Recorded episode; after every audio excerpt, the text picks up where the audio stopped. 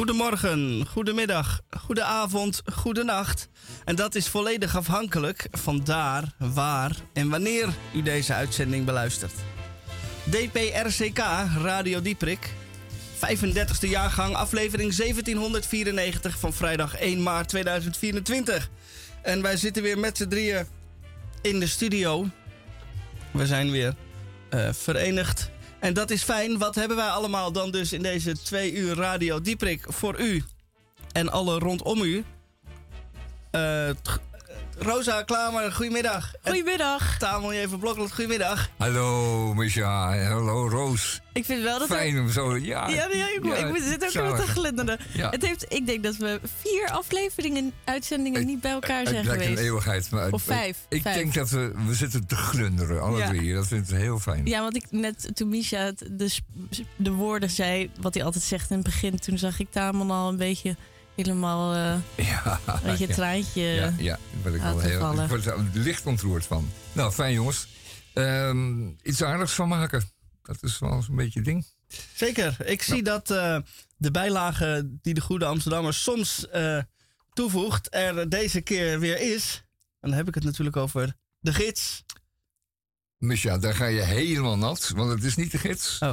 Het is een, uh, een, blad waar ik inderdaad ook tijdelijk op geabonneerd ben. En dat is de, de London Review of Books. Omdat die goedkoper is dan de New Yorker? Nee, die hebben ze me opgestuurd. Want ik had per ongeluk ja gezegd bij een oh. abonnementsvraag. Toen zei ik ja.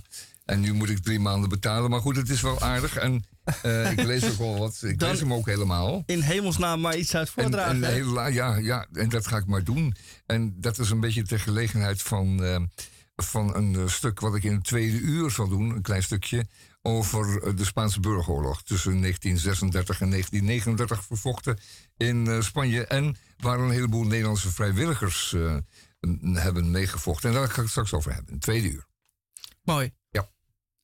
Dan. Ja, daar is natuurlijk gewoon de groene, hè? uiteraard. Ja, uiteraard. Ja, uiteraard. En Rosa. Proza met Rosa. Ja, dat heb ik oh. allemaal weer. Ik heb twee boeken meegenomen. Eentje, die kennen jullie al. En dan is er Koffie van Hans, Hannes Meikema. En de tweede, die is heel dik. Die kennen jullie denk ik ook. En dat kunnen we niet precies lezen, maar oh, zeg het maar, Ros. De ontdekking van de hemel. Och, de, van Harry. Van, ja, van Harry altijd zijn. En was van de visjager altijd zei dat het uh, eigenlijk moest heten de ontdekking van de HEMA. Maar dat is een beetje oneerbiedig natuurlijk. Dat? Oh, dat zei hij altijd. Hij moest altijd spotten met, uh, met deze eerbiedige zaken. Hoge literatuur. En uh, ja, en Harry Mullis, dat was een, eh, een, uitgelezen, een uitgelezen onderwerp voor de heer Visjager. God hebben zijn ziel. Um, maar goed. Ja. Ik moest, het, ik moest het even zeggen. Mooi, daar zijn we dan ook heel benieuwd naar.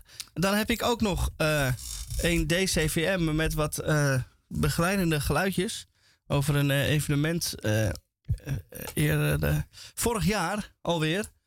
Um, en wat heb ik ook nog bij me? Twee, nee, drie, vier, zeg maar. Nee, dan krijg je de vier geluidsdragers. Dat is ons de vorige keer heel goed bevallen. En ik heb even in de kast gekeken. En nou wordt er wel eens beweerd dat op Spotify staat er alles.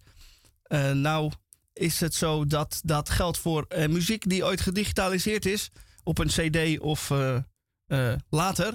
Maar bijvoorbeeld een langspeelplaat van een cabaretclubje genaamd Cabaret Ivo de Wijs. Misschien is cabaretclubje een beetje oneerbiedig. Maar die heeft eenmalig een plaat uitgebracht. Dat werd geen mega succes. Is dus ook nooit op cd uitgebracht. En zodoende dus uh, heb ik die uit de bak gegritst. Dan gaan we daar straks even een liedje van luisteren. Oké, dus als het nooit um, gedigitaliseerd is... dan kan het ook nauwelijks op Spotify verschijnen. En dan zou je zeggen dat het nog meer waarde heeft, toch? Nou ja, het is wel bijzonder. En we zijn zeer benieuwd. Ja. ja. Want alles wat niet op Spotify staat... hoort u wel op Radio Dieperik. Vrijdagmiddag tussen 2 en 4. Spotify is helemaal overrated. het heeft voordelen, maar het heeft ook zijn nadelen. Blijkbaar. Ehm, dan hebben wij ook nog de Krompraat.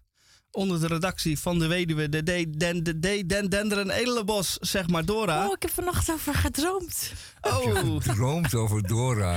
ik realiseer me nu net dat je het zegt.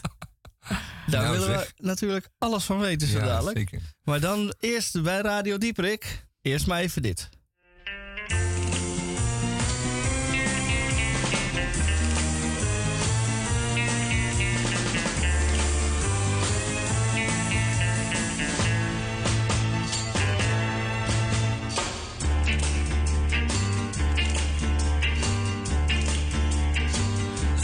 in een villa-wijk. Haar ouders waren stinkend rijk. Toch was daar niets meer dat haar bond. Ze gaf zich aan een vagebond. Die sprak van liefde het oud verhaal. En zij geloofde het allemaal. Zo ging ze weg, ze nam niets mee. Alleen haar jeugd en het idee dat hij haar man was. Zij zijn vrouw. En het altijd zo blijven zou.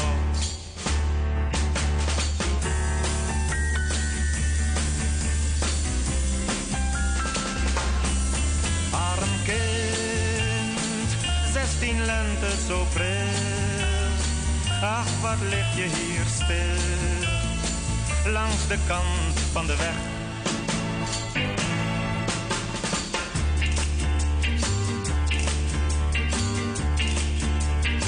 Ze trokken voort van stad tot stad omdat hij ruimte nodig had. Het zwerversleven was te zwaar, niet voor een kind van 16 jaar. Haar liefde was haar levenslot, ze ging haar langzaam aan kapot. Ze kon de hartstocht niet weerstaan, moest tot het einde verder gaan. Ze was geen kind, maar ook geen vrouw. En wist niet wat er komen zou.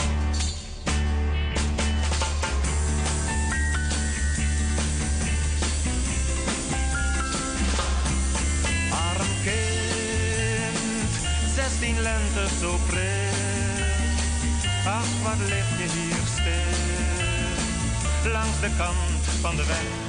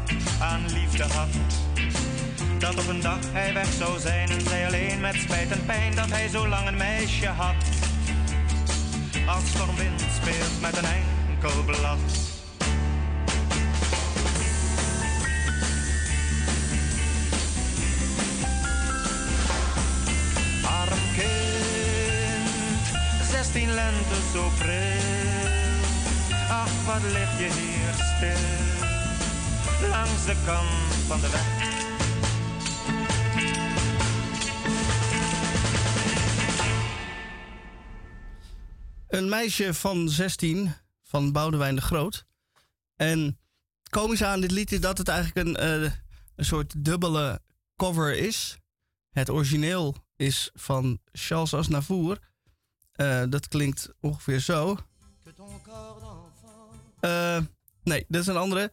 Dat in ieder geval heeft een Charles Aznavour versie ervan gemaakt. Of geschreven. En dan zult u zeggen, zo, dan heeft Boudewijn de Groot wel helemaal zijn eigen ding van gemaakt. Dat heeft hij niet gedaan. Dat heeft Noel Harrison uit uh, Groot-Brittannië gedaan. Die kwam met deze uh, versie. Ja. A neighborhood in which everyone was filthy rich. Dit is dan een live versie. Wacht, ik. Uh, dan. Um, ja. Dus dit is dan weer de versie waar. Dit is de cover van Noel Harris en Valso Charles Aznavour. En die heeft Boudewijn de Groot dan weer gecoverd. Oké, okay, maar heeft hij dan hij heeft een vertaling gemaakt? Ja, Lennart Nijg heeft een vertaling gemaakt. Oh, toch weer Nijg? Ja. Ja, ja, oké. Dit verhaal kwam... Uh, maar wat, wat heeft de DJ nou bij het nummer die je net hebt afgespeeld gedaan? Uh, er is bij de uh, drummer van dit lied een band gevonden... met een aantal andere takes van dit nummer. En daar was dit er een van. En daar zit dat pingelpianootje tussendoor. Zoals u hoorde. Ja, ja. heel merkwaardig. Helemaal, het valt je ook direct op omdat je zo in je kop gebeiteld zit, dit nummer. Maar je gaat toch ergens ook afvragen of je nou. Of, of het nou. Wie, wie zou er nou mee rommelen? Dus dan nou, denk je bijna van, meteen naar heb ik het verkeerd, heb ik het verkeerd gehoord? Nou, omdat je het zo goed kent. Nee, waar komt dat vandaan? Heb ik dat nooit gehoord? Je begint ook al een klein beetje in jezelf ja, te twijfelen. Ja, je begint te twijfelen. Denk, ja, want ik zag je ook twijfelen. dan? Al die duizenden keren? Nee, dat is wel degelijk maar zo. Maar dat, dat, dat gaan... Eh, ik geloof dat Misha... Dat is begonnen om een beetje dat bij mensen op te wekken. Toch? Nou, dat is Radio Dieperik. Als we het met u wil nemen. Ja, de bedoeling is... Uh, de kunst ervan is dat zo subtiel te doen... dat mensen eh, in twijfel achterblijven. Misschien was dit nummer... Uh, of te bekend of de aanpassing zo overduidelijk... dat je het meteen hoort dat het uh, niet klopt. Maar de kunst is om dat zo subtiel te doen. Dat maar de vraag is, ga jij het benoemen de komende tijd? Of ga je het gewoon elke keer maar afspelen en dan de luisteraar zelf moet ontdekken of het zo is? dat is wel een leuk spelletje natuurlijk. Ja, dat is wel een soort struikelsteen dan. Ja, dat, dit was dan de introductie met uh, uitleg erbij. En dan nu. Vanaf nu is het een kan, is het een ding. Kan ieder nummer bewerkt zijn. Ja, en je hoeft niet te bellen. Je krijgt ook geen prijs. Uh, we hebben ook geen mailadres die werkt. Nee. Dus nee. het is gewoon voor je eigen pret. Wee je gemeente als je dreigt in te bellen. Want we nemen niet op. We zijn niet thuis. We zijn namelijk bezig. Maar we weten geloof ik ook geen eens wat ons nummer is. We hebben ook geen rad van avontuur. Nee, van rad van fortuin. Waar je aan kunt draaien of laten draaien. Dat doen we allemaal niet. Oké, um, wat ik al zei. Uh, Groen Amsterdam straks. Uh, valt een beetje tegen trouwens. Ik, mag ik zo even beginnen? Dan kun ik er even snel doorheen. Want uh, ja, die, die, die ontdekking van de hemel, dat is een heel erg dik boek. Ga je daar... Ik wil daar wel een uitgebreid... Ik ga gewoon de hele radio-uitzending lezen. Goed zo. Nou, daar gaan wij zo lekker bij liggen. Hè?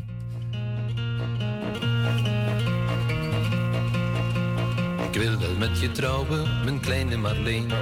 Je kan nogal goed koken, je bent vroeg op de been. En dan zorg je met liefde voor een stevig ontbijt. En je weet, dat waardeer ik, maar ik denk aan de tijd dat ik heel lang bleef slapen, het ontbijt oversloeg. Ik wil wel met je trouwen, maar dan niet morgens vroeg.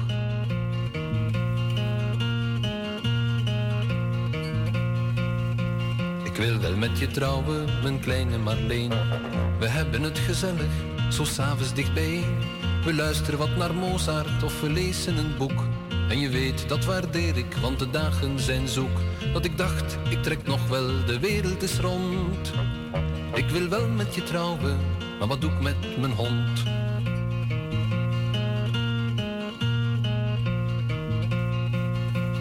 Ik wil wel met je trouwen, mijn kleine Marleen.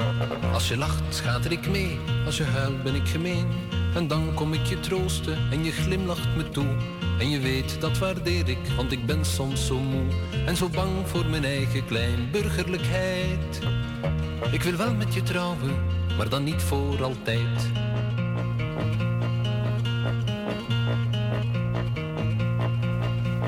Wil wel met je trouwen, mijn kleine Marleen. Kortom, je bent mijn alles en ik ben zo alleen.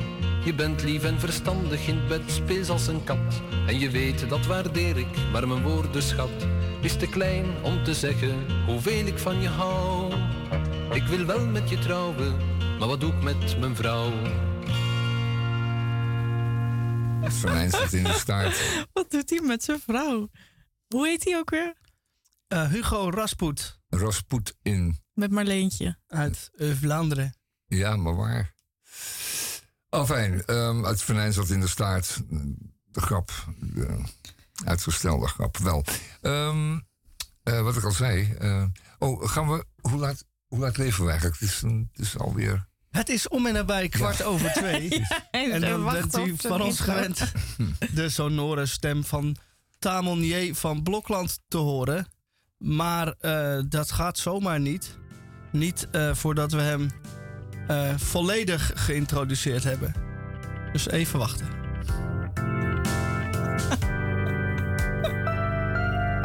Oh, Tamon. Hé. Wil jij mijn groene Amsterdammer zien?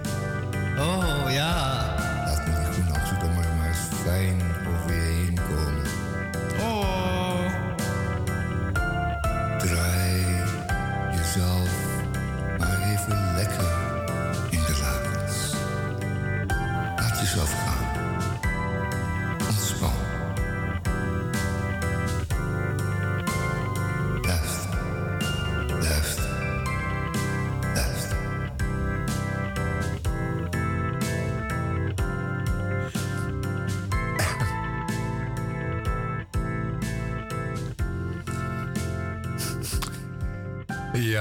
Ja, daar. Maar het is, ehm, het is grappig eh, natuurlijk. Oké, goed. Nou, vooruit maar. Ehm, het is Radio Dieperik tenslotte. En wat kunnen we daar verder aan veranderen? Dat is nu eenmaal zo en het zal ook wel zo blijven. Eh, de Groene Amsterdammer deze week natuurlijk altijd ernstig en eh, een stuk serieuzer dan die, al die grappen en grollen van ons. Ehm, onder meer de cover ehm, Meester gezocht staat er op de voorzijde. En een vraag waarom het niet wil vlotten met het aantrekken van mannen in de klas, eh, voor de klas. En dat gaat dan vooral natuurlijk over de basisschool. Ehm, middelbare scholen is het wat klein beetje minder aan de hand, maar ook daar ehm, begint het, ehm, hoe zeg het, het evenwicht te veranderen. Eh, er was altijd een redelijke, of er is een tijd geweest dat er een redelijke verdeling was tussen meesters en juffen tussen leraren en leraressen. Maar dat is eh, allemaal behoorlijk aan het veranderen. En eh, het neigt nu naar 60, 70, 80 procent eh, dames voor de klas. En uh, verhoudingsgewijs dus heel weinig mannen. En vooral op de basisscholen. En uh, men vindt dat erg jammer. Men heeft er heel veel moeite aan uh, voor gedaan om dat te veranderen. Er zijn allerlei acties geweest waarbij mannen, jongens werden gevraagd naar de pabo's te komen om het echt een keertje te gaan proberen. Um, en dat is met wisselend succes geweest. En men ziet dan dat er inderdaad dan wel enigszins een, um, een toestroom is, maar dat die later weer helemaal inkakt. Omdat de mannen weer vrij snel uh, vertrekken uit die uh, onderwijsposities die ze dan hebben. En dat wordt geweten aan het feit dat er bijvoorbeeld voor mannen ook een verplichting is om uh, een tijd lang stage te lopen op een uh, kleuterafdeling. Of uh, een stuk van je opleiding ook op de kleuterafdeling te doen. En dat vinden mannen blijkbaar toch erg moeilijk. Mannen, vrouwen gaan wat makkelijker om met kleutertjes van, laten we zeggen, 4, 5. Um, en mannen vinden dat toch vervelend op den duur. En die zien daar als een berg tegenop. En doen dat niet graag. En dat levert een beetje een negatieve een negatieve sfeer op, um, op die pamo's. Moet jij nog naar die kleuters? Ja, verdomme, dat moet ik ook nog doen, vervelend. Um, dat zou bijvoorbeeld een punt zijn om uh, mannen dat gewoon maar gewoon kwijt te schelden. Zeggen van, nou, jullie hoeven het uh, niet te doen. Uh, vergeet het maar, als je er geen zin in hebt, dan hoef je het niet te doen. Terwijl het wellicht voor vrouwen helemaal geen enkel probleem is. ik zou daar makkelijk mee omgaan. Maar de onderwijswereld is er een van regels en wetten... En eh, dat is niet zomaar veranderd. En dat is ook een klein beetje het nadeel van deze wereld. Um, want daardoor um, voelen mannen zich vaak toch in een rigide keurslijf geduwd. Uh, waar ze zelf heel anders over denken. Hè. Dat wordt een beetje. Um, omdat het wat gefeminiseerd is, nou behoorlijk gefeminiseerd is. voelen mannen zich daar wat minder thuis. En zij zeggen bijvoorbeeld: ja, als ik in de leraren kom lerarenkamer kom en ik ben de enige man daar, dan is dat ook wel een beetje merkwaardig gevoel. Dat zal voor vrouwen ook zo zijn. Maar voor mannen is dat eveneens het geval. Voelen zich daar niet thuis. Je moet ook eens een keertje gewoon slap kunnen ouwe hoeren over auto's, voetbal of uh, god weet wat. En um, uh, je hebt niet Zo, altijd hetzelfde onderwerp. Ik heb het gevoel dat zoveel mannen er goed in zouden zijn. Ja, ja, dat is ongetwijfeld. Ik, ik zie zo vaak mannen zo leuk doen met kleuters, Nou. ook met hun eigen kinderen. Jazeker. Soms zelfs beter. Ja, ja, eh, ja, wellicht, wellicht beter. En Dus, eh, het is ook zo dat. dat eh, Het is denk ik nog steeds het beeld wat ze over het werk zelf hebben. nou ja, het beeld is gekanteld. En het is ook wel veranderd. Hè, omdat, ja, er, omdat er dus een, een, grote meerderheid vrouwen dus in de onderwijswereld zit. En die ook vaak op, op posities zitten waarbij ze beslissen. Zeg maar, op organisatorisch niveau over die mannen. Dat de mannen dan ook zeggen van ja, maar moest luisteren, ik wil daarin mee kunnen praten. Of ik ben er niet mee eens. Want Ja, er maar is een soort consensus waarbij ik. vaak doen bij mannen. Ja, ja, dus wat is dit nou weer Ja, zo gezeik? is- ja, Wij vrouwen zitten altijd tussen de mannen en we moeten altijd zeggen wat de, of eh, doen wat de mannen zeggen. Ja, maar dat wordt ook dus niet leuk gevonden. En dat vinden mannen dus ook niet Ja, leuk. snap en ik. dat is dan wederzijds zo. Maar het is ook een goede uitdaging voor de mannen. Ik, ik wil niet veel zeggen, maar het is ook een, een, een, een, een uitdaging die vaak vrouwen ook gewoon aangaan. Ja, Roos. En ja, dat is ook goed voor je, voor je persoonlijkheid. Ja, maar mannen, kiezen met hun voeten en die verliezen, eh, ver- verlaten dan het onderwijsveld zoals het heet. Ja, dat vind ik en slap. zijn daar verloren. Ja, dat vind ik slap. maar ik weet bijvoorbeeld dat ehm, Nee, in mijn sorry. eh, jeugd, en dat is 100 jaar geleden, er een juf was voor de eerste klas, de toenmalige groep 3. En eh, dat ik verder alleen maar meesters en, en leraren heb gehad. Eh, dat was zo normaal. En de status van een eh, schoolmeester was ook iets hoger, wellicht, dan eh, nu is. Dat wordt ook vermeld in het artikel. Dat dat een beetje ten koste gegaan is eh, van de status van het leraarschap of van het schoolmeesterschap. Ehm, juist, en dat wordt dan weer gezien in verband met het feit dat het een vrouwenberoep is geworden. Dus dan, als een man in een vrouwenberoep, dan, dan neemt die status daar ook meteen van af. Pijnlijk. Ja, ja, pijnlijk. Ja, Roos, u zegt het.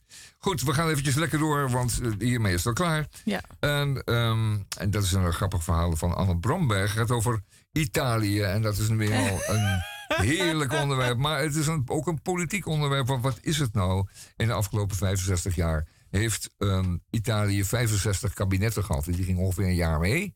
En dan werden ze weer vervangen voor een volgende. Dat komt een beetje door de positie van de president in Italië. Die kan ook gewoon een, een kabinet vragen naar huis te gaan als het hem niet meer bevalt. Dus hij heeft iets meer macht, iets meer eh, doorzettingsmacht dan hier. En ehm, nou zijn de kabinetten hier van doorgaans van een wat langere leeftijd.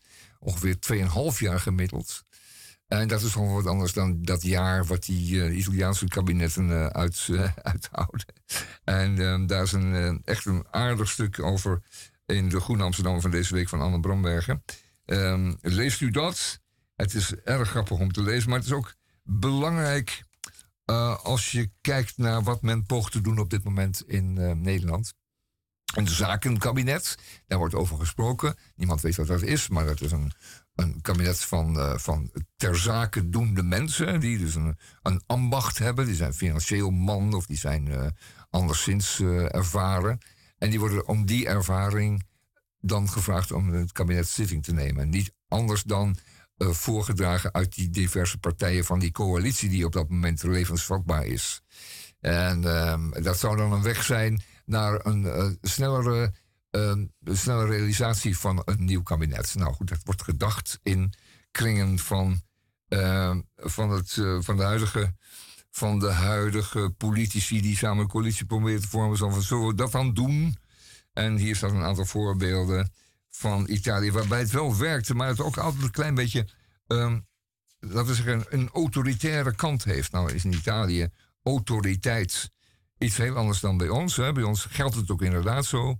En daar kan autoriteit ook wel gewoon afstralen, verbaal blijven. En dan kunnen de Italianen zich daar verder helemaal niks van aantrekken. Dan verandert er gewoon helemaal niks. Dan is het na een jaar of twee jaar gewoon hetzelfde gebleven. Nou goed, een erg leuk stuk van eh, Anne Brombergen. Maar een klein stukje, maar toch wel erg aardig, moet ik zeggen. Goed, ehm, dan ehm, in de Groene Amsterdam van deze week. ehm, ja, dat stuk over die schoolmeesters natuurlijk. eh, een stuk over eh, de Indianen van Manhattan, waarbij als Nederlanders toch mee te maken hebben gehad in de, in de 16e eeuw. We hebben ze uh, gevoeglijk uitgemoord en oplood, op laten sodemieteren. We hebben slaven geïntroduceerd. we hebben het allemaal niet zo fraai gedaan. We hebben het al eerder over gehad in in, Radio Dieprik. Um, wil ik niet opnieuw doen. Het is een uitgebreid stuk van de hand van uh, Leendert van der Valk in de Groene Amsterdam deze week. Leest u dat zelf? En dan, ja, een merkwaardig stuk over, uh, ja, het gaat altijd een klein beetje over boeren, landbouw en veeteelt in de Groene Amsterdam, omdat dat een belangrijk stuk is. Altijd mede in verband met, uh, met klimaatverandering en, en, en weet ik veel, de algehele staat van de natuur in Nederland. Maar dit is dan weer zo'n voorbeeld van doorgeslagen, laten we zeggen, ehm, merkwaardigheden op het gebied van land- en tuinbouw. Want laten we even wel wezen, jongens, dat moeten we nog een keertje opnieuw zeggen een melkkoe. En daar hebben we in Nederland er een miljoen van. Een melkkoe moet elk jaar een kalf krijgen. Die moet worden gedekt. Die is een tijd lang zwanger. Die moet het kalf ter wereld brengen. En dan komt die lactatie, dan komt die melkgift weer op gang. En dan kan die weer worden gemolken een tijdje. Uh, tot het nodig is dat er weer een volgend kalf komt. Uh, want die lactatie die zakt dan in, die neemt dan af. En uh, wil hij melk blijven geven, dan moet er weer een nieuw kalf in en uit. Dat levert dus enorm veel kalver op. We zagen dat gisteren nog eventjes uh, op de televisie. Uh, dat zijn er, één, er zijn er een miljoen. In Nederland, wat moet je ermee? veel daarvan zijn overbodig. Dat zijn mannelijke kalveren. Die gaan al meteen naar de slager. En ehm, er zijn maar weinig vrouwelijke kalveren die worden bewaard of worden uh, opgekweekt. Omdat er uh, eigenlijk meer dan voldoende melkkoeien al zijn. Dus die gaan ook naar de slager alleen wat later. Dat is een vreselijke, vreselijke toestand. En je ziet in, bij boerderijen, daar waar de kalveren bij de koeien mogen blijven, bij de moeder mogen blijven, dat het er allemaal stukken aardiger en vrediger aan toe gaat. Weliswaar met minder melkgift, maar goed, daar gaan we het er niet over vegetarisch. Ja, nou, je hebt gelijk, want het is een vreselijke wereld. Aan het, eten, maar het is een vreselijke wereld, ja. En wat, waar doen we het voor? Wij doen het voor het buitenland, want wij eten bijvoorbeeld zelf nauwelijks kalfsvlees. Um, wij vinden dat uh, eng en wij eten het niet graag. Maar het wordt in het buitenland hooglijk gewaardeerd. In Italië eet men alleen maar kalfsvlees van Nederlandse origine.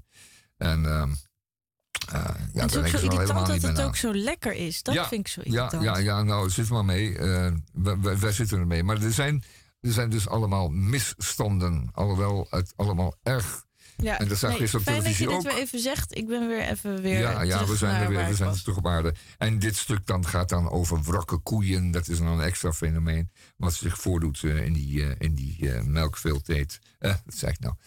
Melkveeteelt. Nou fijn. Oh, we zijn er wel een beetje klaar nou mee. Daar zijn we klaar mee. Maar goed, het moet er eventjes gezegd worden. Het kan niet genoeg gezegd worden, zeg maar zo. Oké okay, jongens, was het groene deze week?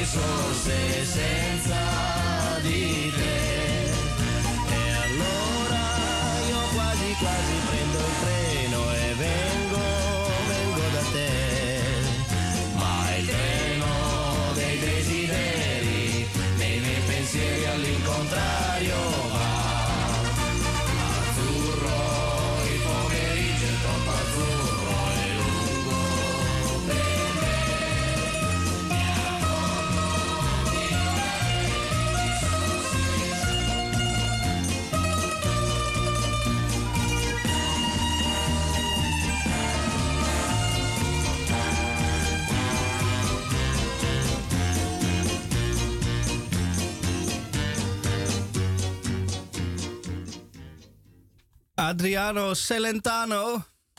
Niet Paulo Conte dus. Nee, Hij lijkt er wel op, toch? Geef klinkt toe. een beetje als... eh, Paulo Conte. ja, Maar leuk. ja, Azuro. Mooi is dat het lied dan één keer in de top 2000 terechtgekomen is in 2007. Dus alleen in dat jaar dacht men, kom laten we hierop stemmen. Ehm Wat nu? Rosa en ik waren eh, afgelopen week niet in Italië. Maar wel eh, een beetje die kant op. Eh, in het eh, noorden van Zuid-Duitsland. Ik kwam heel dichtbij. Dat komt redelijk dichtbij. Ehm, in Bamberg. En dan denkt u natuurlijk aan, er komen nu allemaal verhalen en, ehm, en columns en liedjes en anekdotes en weet ik veel. Maar dat was voor deze uitzending nog veel te kort dag. Want gisteren rond deze tijd keken wij nog naar een rivier die onder een brug doorstroomde. Op z'n Duits. Dus wij moeten het allemaal nog even verwerken. Dus ik heb wel een column voor u. En dat is er een die. ehm, ik, zat gister, wij zaten gisteren in de trein. En op een gegeven moment was het een beetje druk en eh, chaotisch. En dat deed me toen denken aan eh, een ritje in de metro in Amsterdam. Toen dacht ik, hé, hey, daar heb ik een column bij. Dus dan heeft deze column nog wel iets. Eh, eh, de, de reis van gisteren heeft mij geïnspireerd om deze column van wel eer nog een keer voor te lezen. Ben benieuwd. Ja, Leuk. dat ehm, zal ik dan even gaan doen voor u. Daarvoor moet ik dan eh, niet alleen een boek voor me hebben, maar ook hieraan gaan beginnen. Want het is eh column met geluid erbij.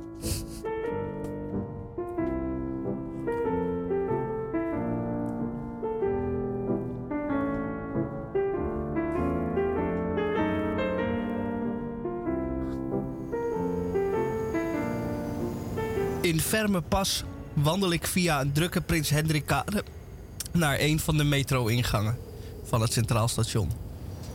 Vanwege de verbouwing alom raak ik gedesoriënteerd en wandel ik per abuis naar een iets verder gelegen trap naar beneden. De metro vertrekt over minder dan een minuut, dus moet ik mij haasten.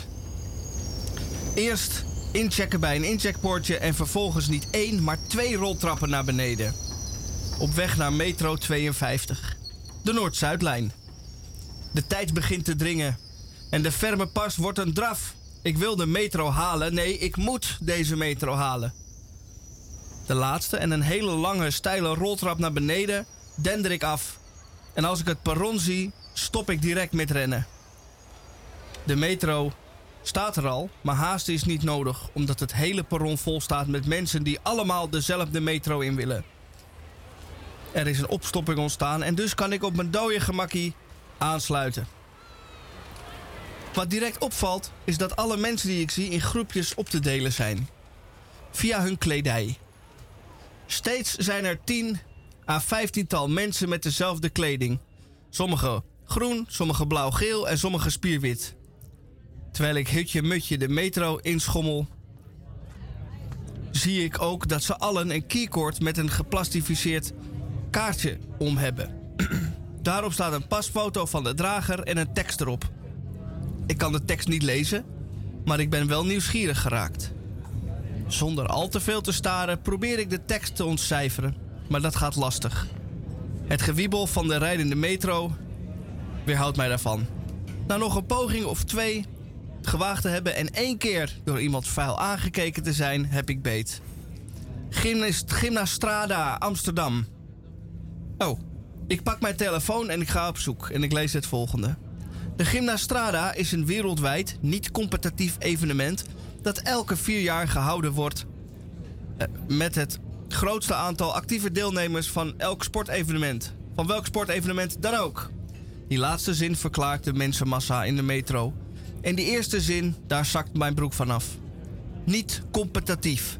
Wat is dat nou weer? Sporten zonder sportelement? Het meest nutteloze en geestdodende tijdsverdrijf denkbaar. Op het strand met een bal overgooien heen en weer en weer en heen schiet mij maar lek. Het evenement vindt overigens plaats in en om, rondom de RAI. Wat extra fijn is, maar niet heus. Want het betekent dat iedereen er bij dezelfde halte uit moet. Hutje, mutje, schuifelen we met z'n allen de metro uit. En dan zie ik het. Op de achterkant van de jasjes van de mensen staan de namen van de landen die iedere non-competitieve speler vertegenwoordigt. Venezuela, Togo, Luxemburg. Overal en nergens komen ze dus vandaan. Het uitchecken gaat tergend langzaam, omdat iedereen netjes wacht tot de poort weer gesloten is. En dan pas checkt de volgende uit. Non-competitief uitchecken zal ik het maar noemen. Ik sta op de roltrap en ik zie langzaam de wolkenlucht boven het Europaplein opdoemen. Als ik dan boven ben, zie ik steeds grotere mensenmassa. Het volledige Europaplein is gevuld. Allemaal met stomme sportkleding en een non-competitieve grijns op hun gezicht. Het zweet breekt mij uit en ik begin te hyperventileren. Ik moet hier weg. Ik moet hier weg, maar dat gaat niet. Want ik zit ingesloten tussen Team Germany en L'Equipe Suisse. Waarbij de sfeer er ook goed in zit. Dan zie ik in de verte een podium. Waar een al even blije en weeige in sportkleding gehulde eh, man eh, een speech geeft. Is everybody happy? Vraagt hij elke keer maar weer. En al iedereen antwoordt stevast ja. Ik antwoord volmondig nee. En dan treedt er een doemscenario in werking. Publieksparticipatie. De gymleraar op het podium doet domme en hersenloze kunstjes voor. En iedereen, behalve ik, doet die gelaten en gezagsgetrouw na. Als een kat in het nauw kijk ik schichtig om mij heen. Terwijl iedereen de slappe huppelblasjes te gedwee uitvoert. En dat alles met een veel te blije uitstraling. Ik moet vechten of vluchten. Ik kies voor het laatste. Ik kan tussen het gymgeweld door de bebouwing van de Rooseveltlaan zien. Daar, daar moet ik naartoe. Ik kies eieren voor mijn geld. En ik probeer met alles wat ik in me heb een weg te banen door de mensenmassa. En dat was een slecht idee. Want links en rechts word ik nu per ongeluk en non-competitief geschopt en geslagen. Het zijn de malle danspasjes die recht op mijn neus landen. Ik zie opeens een lege ruimte. En ik denk, oh, dit is mijn kans. Maar ik duik dat gat in. En oh jee, ik krijg weer klappen van links en rechts. hey, hallo, auw, auw. Ik duik gauw een lege ruimte in. Auw. Maar ook dat blijkt een fatale blunder. Want om mij heen staat Team Slowakije. Zij hebben hun eigen choreografie. Ze pakken me met z'n allen vast en gooien me meters hoog de lucht in. Wat tot grote beroering leidt onder alle toekijkers. Oeh, de oes en a's vliegen mij links en rechtsom om de oren. En dit wordt door de Slovenen als aanmoediging, Slowaken als aanmoediging gezien. En nadat ze me weer opgehangen, word ik weer de lucht in gecatapulteerd. En nog een keer, en nog een keer, en nog hoger, en steeds hoger. En dan nog één keer. En dan laten ze me los. Dacht ik, want ze pakken me weer vast voor de foto. Het hele team staat stralend om mij heen en lacht non-competitief. Zo non-competitief mogelijk voor de foto. Dan laten ze me gaan.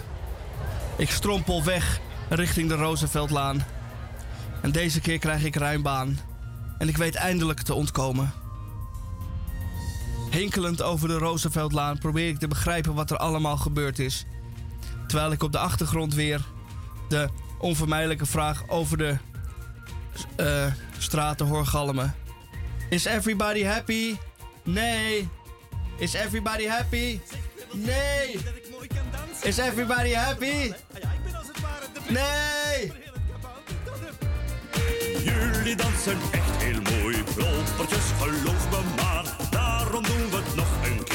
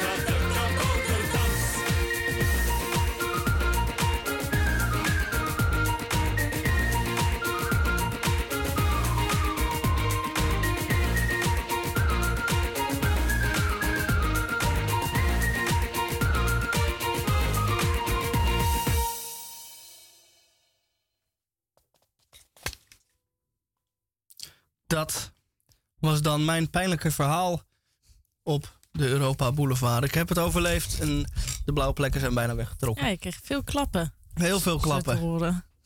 En dan is het nu tijd voor Proza met Rosa. Waar we allemaal ontzettend veel zin in hebben. Zij heeft verteld dat ze twee boeken meegenomen heeft vandaag. En we zijn benieuwd welke van de twee zij als eerste uitkiest. Ik kies eerst, eerst het hele dikke boek. De ontdekking van de hemel. Ik heb een klein stukje ervan. Ehm, ja. In een wereld vol oorlog, hongersnood, onderdrukking, bedrog, verveling. Wat is daarin, afgezien van de eeuwige onschuld der dieren, een beeld van de hoop? Een moeder met een pasgeboren kind op haar arm maar het kind eindigt misschien als een moordenaar of als een vermoorde. Zodat het hoopvolle beeld alleen maar voor, voor, voor afschaduwing was van een pieta. Een moeder met haar pas gestorven kind op haar schoot. Nee, het beeld van de hoop is iemand die langskomt met een muziekinstrument in een voedraal. Het draagt niet bij aan de onderdrukking, ook niet aan de be- bevrijding, maar aan wat daaronder voortgaat. De jongen op zijn fiets, gitaar in verschoten kunstleer op zijn rug, het meisje dat met een gebutste vioolkist op de tram wacht, de heilige hallen onder concertpodia, waar orkestmuzici overal op tafels en stoelen en op de grond hun voedralen openen en de glanzende en blinkende instrumenten opnemen, waarna afdrukken van die instrumenten achterblijven. Negatieve klarinetten, dwarsfluiten, fagotten met een mondstukken, stukken en hulpstukken, uitgespaard in zacht, verstevigd, verstevigd fluweel. En terwijl de ruimte zich geleidelijk vult met de gedem- gedempte cacophonie van alle instrumenten, rondscharrelend rondom de A, als mussen en meeuwen en spreeuwen en lijsters om een homp brood. Staan de deksels van de manshoog behuizingen van de contrabassen geopend als deuren naar een andere wereld.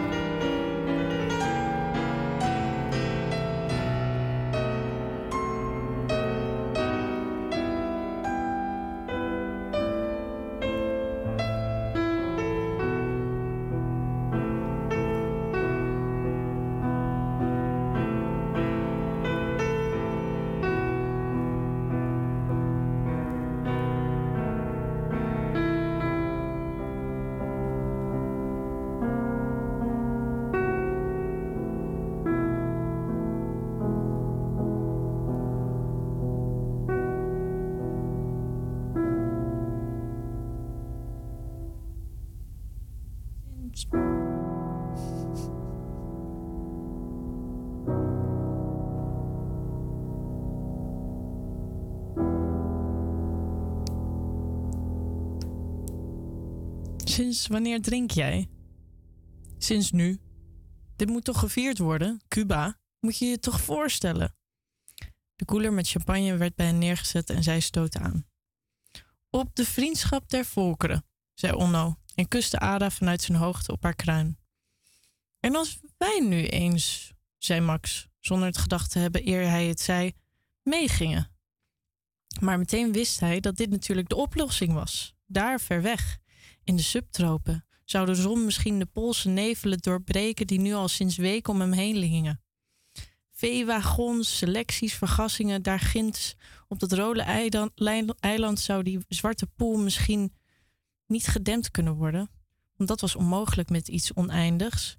Maar misschien zou er een schijnsel opvallen waardoor de mensheid toch niet als een hopeloze mislukking afgeschreven hoefde te worden. Niet dat Cuba het gezochte filiaal van de, filiaal van de hemel zou zijn, maar misschien zou er een vermoeden van zoiets hangen. Onno en Ada keken elkaar aan. Ja, waarom eigenlijk niet? zei Ada. Wat let jullie? Onno schudde zijn hoofd. Hoe stel je je dat voor? Het is al over drie weken. We moeten visa hebben en weet ik wat allemaal. We kunnen toch terroristen zijn die Fidel Castro willen vermoorden? Dat lukt nooit op zo'n korte termijn met de bolsjewistische bureaucraten. En dan ook nog uit de derde wereld. Een brief doet er al twee maanden over. Ik heb ook geen visum. Maar je hebt een uitgenodiging. Luister, zei Max. We kunnen het toch proberen.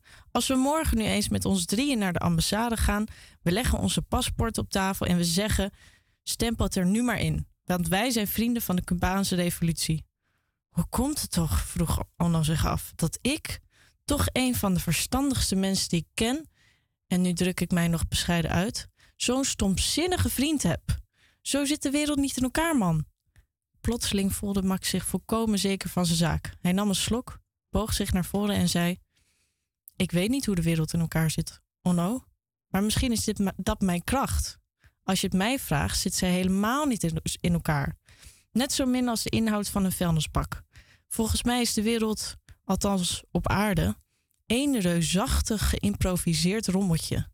Dat om onverklaarbare redenen nog steeds min of meer functioneert. De mens hoort eigenlijk helemaal niet thuis in het heelal. Maar nu hij er eenmaal is, is in allerlei opzichten alles mogelijk. De geschiedenis heeft dat trouwens bewezen, dacht ik zo. En jij als politicus zou dat moeten weten. Maar als je begint met te zeggen, zo zit de wereld in elkaar en dat is mogelijk en dat is onmogelijk, dan kun je beter terugkeren naar disco's van Feestos. Het blijft allemaal mensenwerk, gemodder dus. En daarom moet je misschien altijd eerst maar eens doen wat je hartje je ingeeft en jezelf niet bij voorbaat blokkeren met overwegingen die de anderen misschien naar voren brengen, maar misschien ook niet.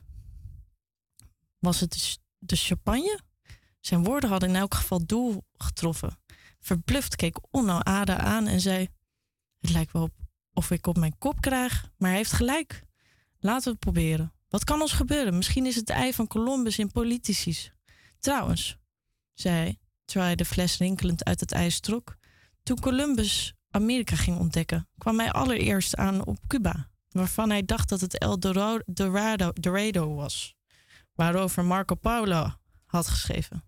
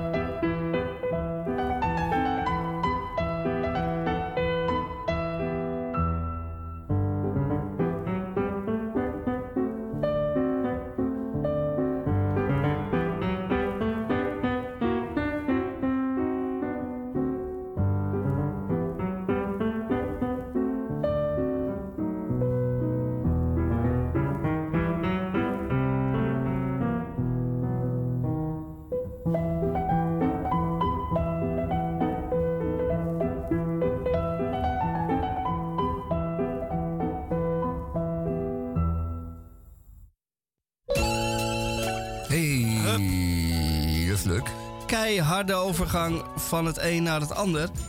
Eh, wij hebben niet zoveel tijd in het eerste uur meer over. Nog 4 minuten en 22 seconden. Nou moeten we dan eh, de King ook nog inproppen. Eh, en dus, en de krom eh, praat. Ik heb dus ook, we gaan nu dus één kromwoord behandelen met z'n drieën. In dit eerste uur. En dan de rest eh, in het tweede uur. Bedoel je dat we efficiënt. elkaar zinnen gaan afmaken? Ja, we gaan veel door elkaar heen praten. Niet zo angstig. Laten we gewoon eh, met z'n drieën tegelijk antwoord geven. En als, als dank voor deze opmerking mag je beginnen. Nee. Ehm, het woord is geheimwee. Oh ja. Geheimwee. Geheimwee is... Ja, dan ga jij mijn zin afmaken, Tamon. Oh, geheimwee. Nou, wat geheimwee is eh, dat precies wat het is. Eh, heimwee, dat is, een, eh, dat is een beetje kinderlijke emotie. Je hebt het erg fijn gehad en je moet weer weg. En even daarna, al heel, heel snel, treedt de heimwee in. De gedachte aan hoe leuk het was en dat het nu allemaal voorbij is. En geheimwee is dat wat je geheim houdt. Want je gaat er niet voor uitkomen natuurlijk, voor die heimwee. Dat is jouw eer daarna. Heimwee, nee, dat is iets voor eh, kinderen en een eh, schoolvakantie. Heimwee, geheimwee. Ja, dat is toch echt zo. Geheimwee. Moeten we allemaal een eh, optie geven voor geheimwee? Jazeker, Rosa. Oké. Ja, nee, eh, geheimwee kan ook zijn, namelijk, je hebt meerdere betekenissen. Dat ehm, wat je soms hebt als je, je hebt heimwee naar eh, een bepaalde, eh, zeg maar. Oh ja, wacht. Ik, wil, ik weet, nu weet ik het, nu weet ik. Vroeger als kind ging je ergens bij een vriendinnetje of vriendje logeren. En dan had je heimwee naar je ouders thuis. En eh, nu als volwassene eh, uit huis gaan. En eigenlijk soms als ze alleen wonen nog denken van... Ah, ik heb heimwee naar mijn ouders, ouderlijk huis. Ehm, maar ze schamen zich daarvoor dat ze dat nog steeds hebben. Want normaal gesproken heb je dat als je zes bent of zo. Dus dat is geheimwee. Dat je, dat je, dat je als je later volwassen bent nog steeds heimwee hebt naar je ouders. Mooi. Ehm, als ik aan geheimwee denk, dan denk ik, kijk, wee dat is pijn en verdriet. En geheimwee. Ehm heimwee is het verlangen naar huis, eh, of in ieder geval, of, of naar een plek waar je zojuist, in ieder geval ergens waar je niet bent. En geheimwee is het verlangen naar een geheim. Dat je soms is het gewoon fijn om eh, toen iets nog een geheim was, en toen niemand het nog wist, dan is het spannend. Het is een beetje zoals bij een eh, thriller, een whodunit. Zodra je weet hoe het eh, is gedaan, dan, dan verlang je terug naar het geheim. naar het gevoel dat je had van, oh, dit zou het kunnen zijn, maar dat zou het ook kunnen zijn. Hetzelfde, hetzelfde in het begin van een relatie, dat je, dat je nog niet weet wie, of diegene je leuk vindt. Ehm, dat? Ja, precies. Dat is ook zo'n geheimwee waarin je, waaraan je kan terugverlangen. Nou, we hebben toch alle drie wel iets moois eh, verzonnen. Ja, maar het, zegt, maar het zegt ook wel iets over ons, hè? Ja, helaas. We geven wel dingen bloot of prijs die eh, beter geheim hadden kunnen blijven. Maar goed, we eindigen dit eerste uur van Radio Dieperik op de vrijdagmiddag tussen 2 en 4 met de King zoals altijd. En eh, we zien u straks naar, het, eh, naar de eh, reclame en nieuws.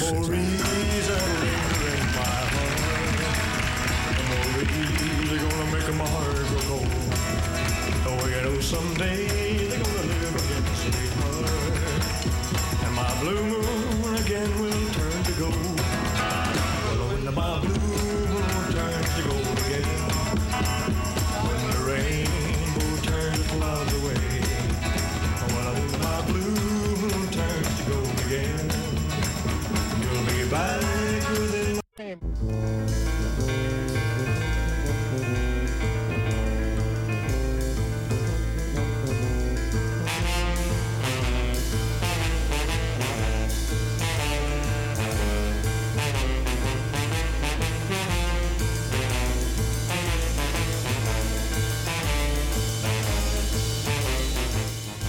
Goedemorgen, goedemiddag, goedenavond, goedenacht.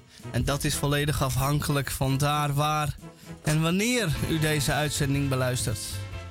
Eh 35e jaargang, aflevering 1794 van vrijdag 1 maart 2024. En ik praat zo snel omdat we nog zoveel te doen hebben. Ik heb nog eh, zwarte vinylschijfjes met groeven die we onder de naald leggen. Wij eh, hebben nog de London...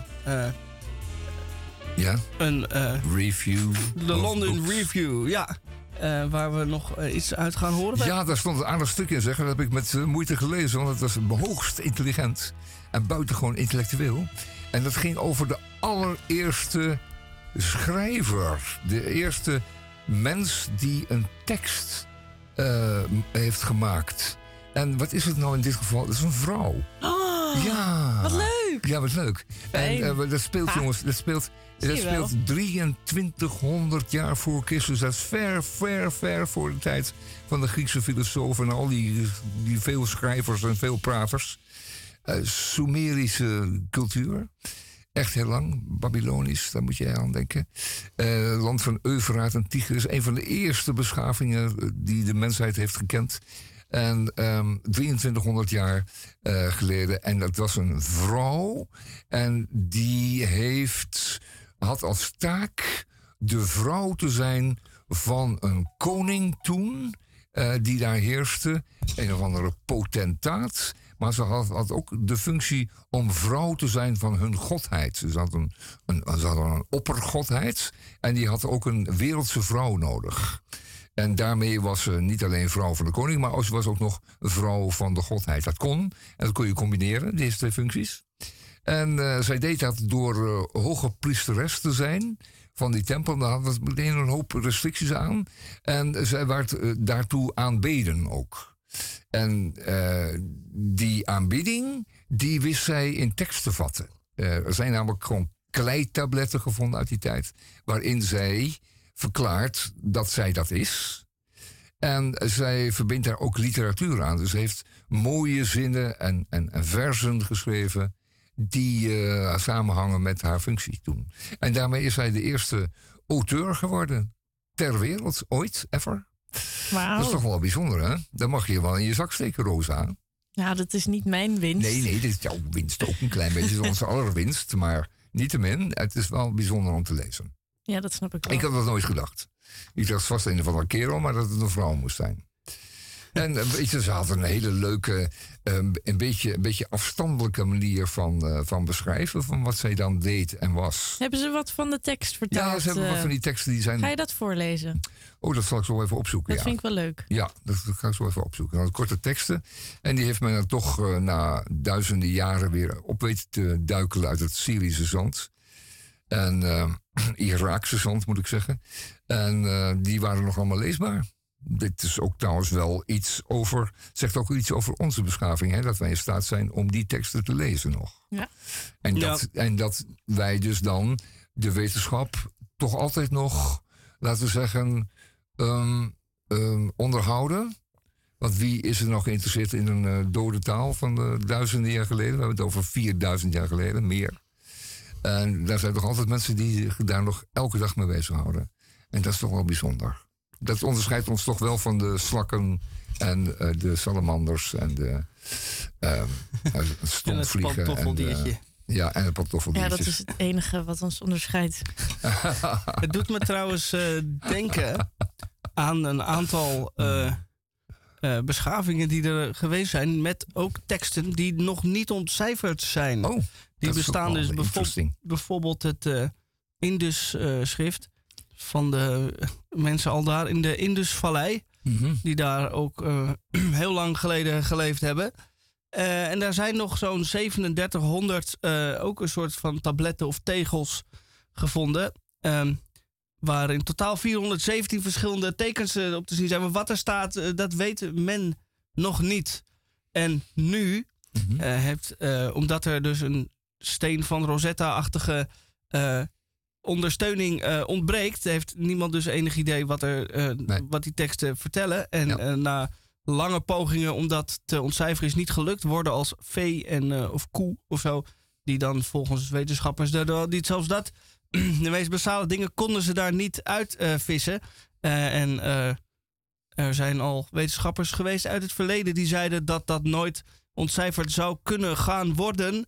Maar, maar denkt u dan eventjes aan onze grote vriend de computer en de kunstmatige intelligentie, die natuurlijk alles kapot maakt, gaat maken. Maar vlak voordat hij dat doet, misschien wel eh, een oplossing eh, van deze tekst kan geven, omdat hij een dusdanig hogere rekenkracht heeft en dus dusdanig eh, meer eh, lo- Combinaties kan maken, ja. ja, en misschien de logica er wel van in Mm. kan zien. Mhm. Is, Dus- dat, is dat gebeurd of is dit gewoon wat dat, jij dat hoopt? is wat, ja, wat Michel Dat- hoopt dat, dat zou komt. kunnen gebeuren. Oh, dat komt. Daar zijn ze. Net, eh, net voordat ze het einde van de beschaving van ons eh, zal aankondigen, dat AI dat nog eventjes op de valreep nog even doet voor ons. Ah ja.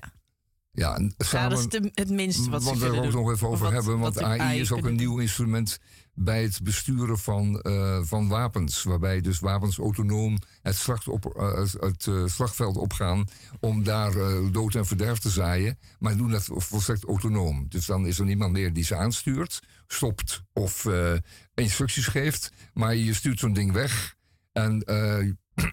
voor negen s morgens. En om een uurtje vijf komen ze weer terug en hebben dan dood en verderf gezaaid. En je hebt er niks aan hoeven doen. En die zoeken zelf hun doelen uit. En vernietigen die doelen. En eh, het leuke daarvan is natuurlijk dat het eh, voorlopig nog vrachtwagens zijn met raketinstallaties. Maar dat het binnenkort dus ook gewoon mensen zijn.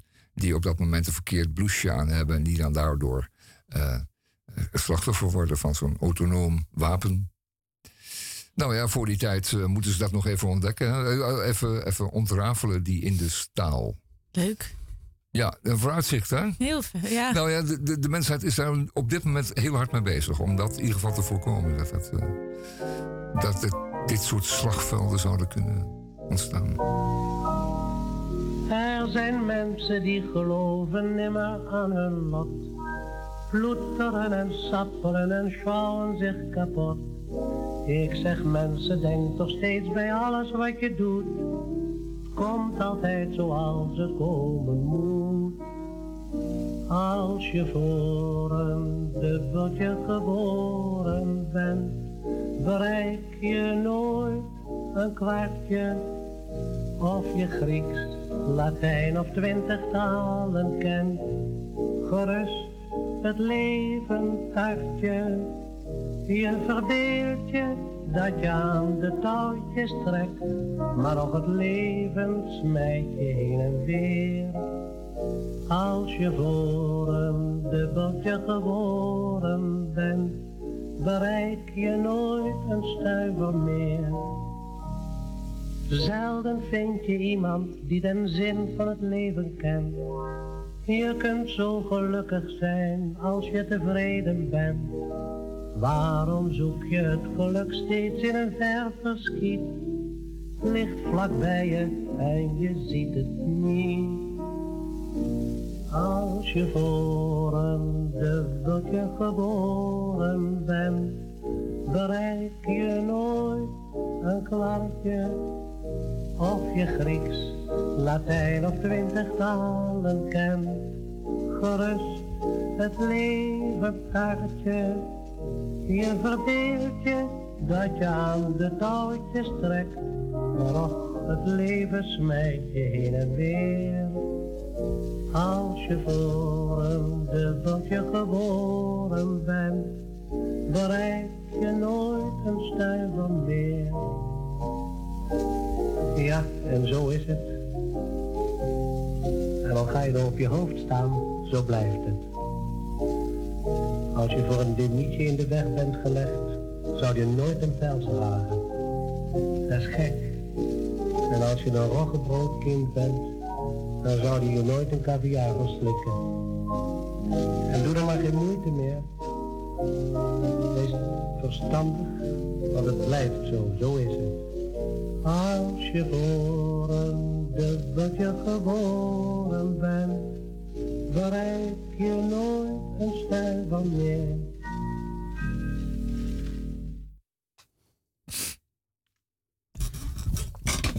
En zo wiebelen wij 1 maart. Het is alweer 1 maart. Dus dames en heren, doe uw belastingaangifte. Hé, En ja, kijk dat had ik nou willen vermijden, deze hele rotopmerking. Kijk, je kunt eh, met een eenvoudig eh, briefje kun je uitstel vragen aan de inspecteur. En dan kun je het allemaal nog, dan heb je nog een jaar de tijd om, eh, om eh, 23 te doen. Dus ik zal me er echt helemaal niet mee bezighouden. Of je moet een, een flinke teruggave verwachten en zeggen, nou, dus het zo snel mogelijk doen. Maar, Ja. maar de rest eh, kan het echt wel duren. Ik zal eerst maar even wachten tot het een beetje voorjaar wordt. Met die belastingaangifte. En eh, eh, als niet minstens de helft daarvan van jouw belasting eh, naar Oekraïne gaat, zal ik het helemaal maar laten.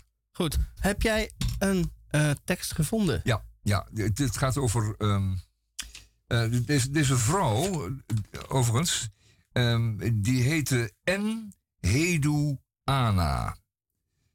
Eh, en N. Het is, een, het is een naam die bestaat uit drie delen: N, Hedu en Ana. En de Ana in dit geval, dat is de godin.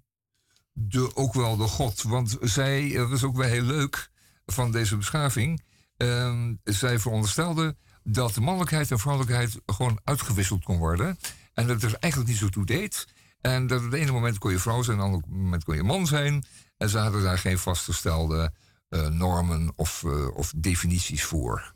En dat, eh, dat, is, dat is gemakkelijk in een maatschappij, toch? Ja. Eh, hè, als het gaat over taken, maar het gaat over, over van alles en nog wat.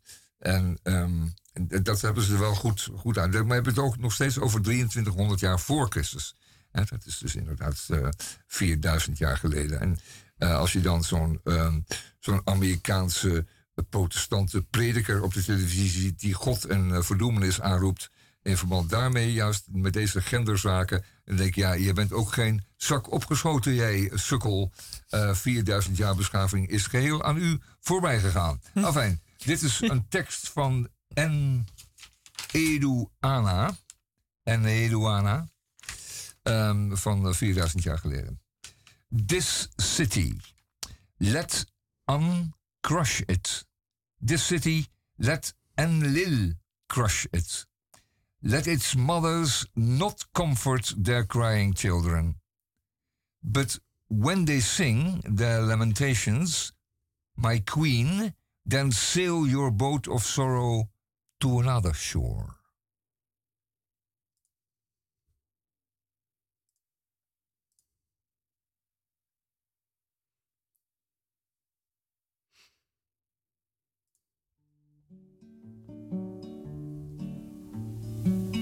Hang me, oh, hang me. I'll be dead and gone.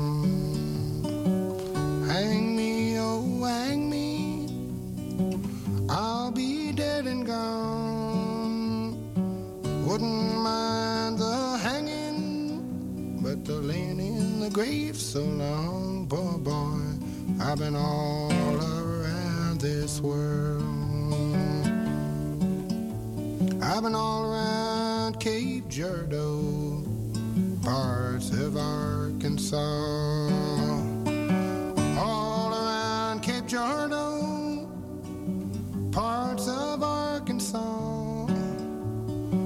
Got so goddamn hungry, I could hide behind a straw. Poor boy, I've been all around this world. Went up on the mountain, there I made my stand.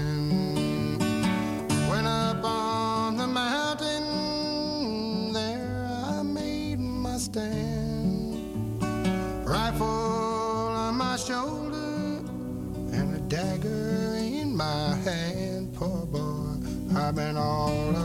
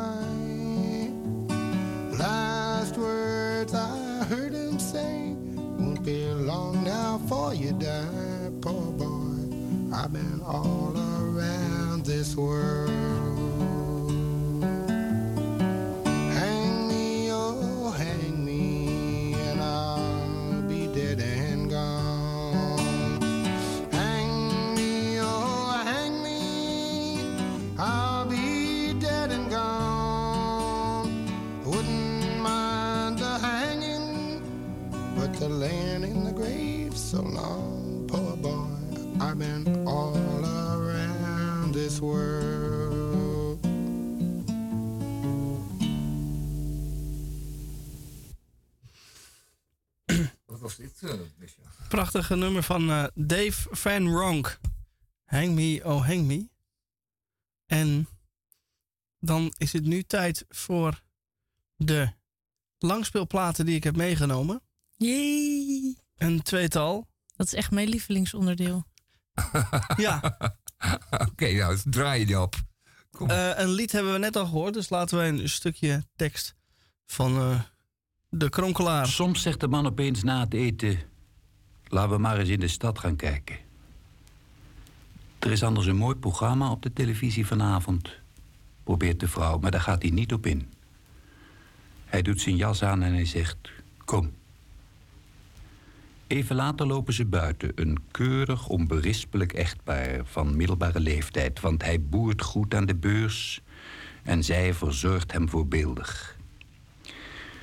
Eerst gaan ze het café op de hoek binnen, een half donkere, naar bier en sigaren ruikende spelonk en daar begint het drinken. Hij ouwe klare en zij een flesje prik. Als ze niet zo bang was voor het eind van de avond, zou ze dit eerste uurtje eigenlijk wel prettig vinden, want de drank verdrijft zijn stuurse zwijgzaamheid en maakt hem open en aanhankelijk. Ze praten altijd over de kinderen. Over Jan, die in Australië geen tijd kan vinden om regelmatig te schrijven. En over Liesje, die nu al vier jaar een perspectiefloze affaire heeft met haar getrouwde baas. Ach, wat heeft het voor zin om het allemaal zo donker in te zien, zegt de man. En zijn door de borrels aangerichte glimlach doet haar denken aan vroeger. Die kinderen, die zijn nou eenmaal volwassen, niet? Zo is het toch? En al doen ze soms dingen waar wij het niet mee eens zijn, nou ja. Ze bouwen een eigen leven en het is een andere tijd. Zo praat hij dan tegen haar en eh, ze voelen zich heel dicht bij elkaar. Na een uurtje laat hij een taxi komen, want dan wil hij de stad in. Ze haat die kroegen, want ze ziet te scherp, omdat ze geen drank verdragen kan en de hele avond door moet op limonade die de dorst lest, maar aan de geest niets doet. Zo tegen elfen ziet ze de man veranderen. Terwijl die gestadig doordringt, komt er een mateloos sombere uitdrukking in zijn ogen. Een dier in doodsnood. Dat is een gevaarlijk moment. Elk verkeerd woord kan hem woedend maken. Muisstil zit ze tegenover hem en hoort hem mompelen. De slet ligt met een getrouwde vent in bed. Mooi hoor, dat moet je maar slikken. Ze zegt niets terug en dat prikkelt hem. Opeens kijkt hij er scherp aan en zegt... Mooie kinderen heb je me gegeven, zeg. Zijn ogen zijn dan zeer kwaadaardig. Nu weet ze zeker dat er heel wat moet gebeuren eerst hij hem in bed heeft. Want naarmate hij sneller en gulziger drinkt, neemt zijn wanhoop toe. Hij zwelgt erin. Soms barst hij midden in een vol café in snikken uit. Ze moet hem dan heel voorzichtig en tactisch naar buiten loodsen. Zijn gezicht nat van krokodillentranen. Zijn keurige sneeuwhoed achter op zijn hoofd. Maar het moeilijkste is het slot van de avond als alle kroegen dicht zijn. Want dan krijgt hij altijd over zich dat hij niet meer met haar onder één dak wil leven. Ga maar weg, roept hij dan. Ik ga wel naar het tehuis voor onbehuisden, dan ben ik er vanaf. Van jou en van je mooie kinderen en van de hele rotzooi. En hij begint erheen te lopen, wankel, doch vastberaden. zijn hoofd heldhaftig opgeheven. Ze praat heel zacht en vriendelijk tegen hem, zoals je een kind toespreekt. Soms gaat hij in een stadsplantsoen opeens tussen de struiken op de grond liggen en trekt zijn overjas en zijn deken over zich heen. Ga maar weg, ik slaap hier wel. Er komt dan wel eens een agent die roept: eh, Neem die man mee, anders doe ik het. Kom nou, Wim, smeekt ze. Je hoort het. Het is bijna altijd ochtend als ze thuiskomen. Je hoort de vogels zingen midden in de stad. Als die eindelijk ligt en snurkt, schrijft ze op een papiertje: stomerij opbellen voor overjas. Ze heeft geen slaap. Ze bekijkt hem nog lange tijd aandachtig. Ze heeft hem lief.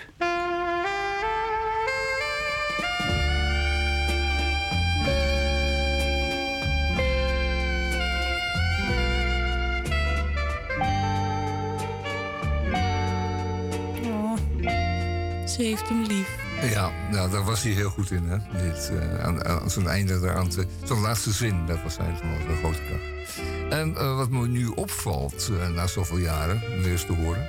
is dat hij een enorme Haagse tongval heeft. Ja, De dat dacht ik komt heel ook al. duidelijk uit Den Haag. Ja, hij komt toch echt uit Zwolle? Oh, Maar je zou zweren dat hij uit Den Haag komt. Maar ik weet niet zeker, is dat nou zo? Zwolle? Ik zou ook zo willen voor, Ja, dat zeg kunnen ik wel. voorlezen. Oh nee, Den Haag. Voorlezen. Kom Ja, nou, toch Den Haag. Hij ja, ging altijd op vakantie naar Zwolle. Oh, dat zal het zijn, ja. ja, ja, ja. Oh, hij komt wel uit Den Haag. Ja, wel Den Haag. Dat is toch niet te missen, toch? Haag, ja, het klinkt Haags. Ik weet niet of het Hagenees is of een Hagenaar. Hoe weet je dan dat hij in Zwolle op vakantie ging? Dat heb ik dan ergens. eh, dat heeft hij dan wel eens in zijn columns eh, Ah ja. geschreven, denk ik. Dat is wel een vast adres. Maar hoe komt het dat, hij, dat, dat het zo fijn is hoe hij voorleest? Wat is dat? Hoe, hoe, waarom, waarom is het zo fijn om naar hem te luisteren? Het Ja, de man stem. heeft het helemaal gecultiveerd. Die heeft elke, elke zin geoefend. En hij heeft dat ook echt geoefend met zichzelf. Eh, naar, goed naar zichzelf geluisterd. En eh, daar heeft niemand hem voor geïnstrueerd om dat te doen. Hij, ehm, hij heeft het gewoon ontdekt bij zichzelf en hij is het gewoon gaan doen. En hij is steeds meer op het effect gaan, eh, gaan zitten. En hij laat ook pauzes, vrij lange pauzes. En je zult zien, Roos, dat als je dat ook doet, dat je dan ook dat soort soort voorlezer zou kunnen worden. Nee, het, Jawel, is, ook, ja, het ja. is ook zijn Goed naar stem. jezelf luisteren. Het is ook zijn stem. ja, hij heeft ook een keer die een- heel prettig een is. bronzen stem, ja, dat heeft hij natuurlijk. En hij laat hem lekker zakken zo. En hij doet het heel langzaam. En hij spreekt het allemaal keurig uit. De T's en de E's en die, alles wordt keurig uitgesproken. Nee, dat, eh, hij kon dat wel. Dat is zeker. Dan is het eh, nu eh, even een mooi moment. eh oude meuk is leuk. Oude meuk is... En eh, deze week is dat eh Nederbeat. En dan zeg ik 1966. En we hebben hier één eh, ervaringsdeskundige wat 1966 betreft aan eh, tafel zitten. Oh, wist ik niet, Roos. Ja. Wat? Huh? Wat? En wij gaan nee, een, hij heeft het over jou. wij gaan hier een, ik wel, ja. wij gaan hier een lied draaien van eh, Nederlandse bodem dus. Eh, misschien dat jij het al eh, kan raden. ehm, Geef me de eerste twee noten, een maten, en dan weet ik het. Eh, ja, dat is goed. Dat doe ik dus al wel. Ik zal je in ieder geval een hint geven. Het stond ooit op de tiende plek in de Parool Top 20. Parool tot 20, ja. Ja. Jan Akkerman is een van de muzikanten. Mm. Ehm, en het was eigenlijk hun enige hit. Enige hit. Ja. Oh ja, dit is Russian Spy and I van de... Van de Hunters. Ja, eh, Happy Hunters, ja.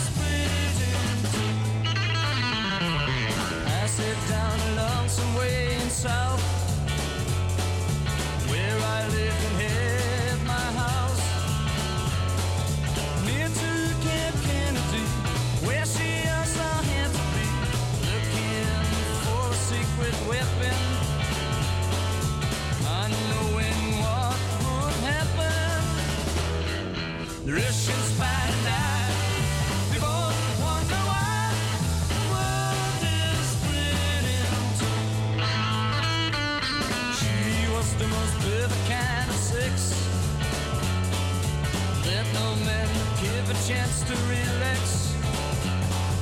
Hang around my surroundings, watching under Sam's boundings. Couldn't stop myself to ask her in. Russia shouldn't know. where she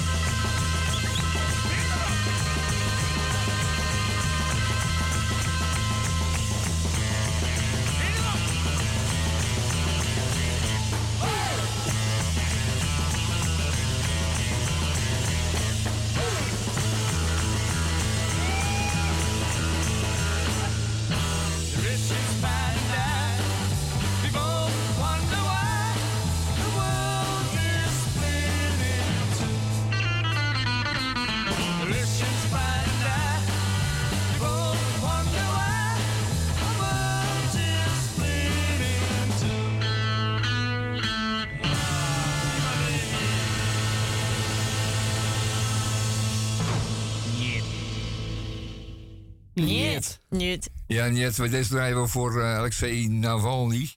Die vandaag in zijn graf wordt, eh, wordt gebracht. Ehm, zijn vrouw durfde niet eens bij de begrafenis te zijn, want die lo- loopt inderdaad gevaar om aangehouden te CQ, gearresteerd te worden door de hond Poetin en zijn trawanten. Ehm, eh, dat is toch eigenlijk wel heel, heel erg. Dat zij niet eens op zijn, zijn begrafenis kan en mag zijn.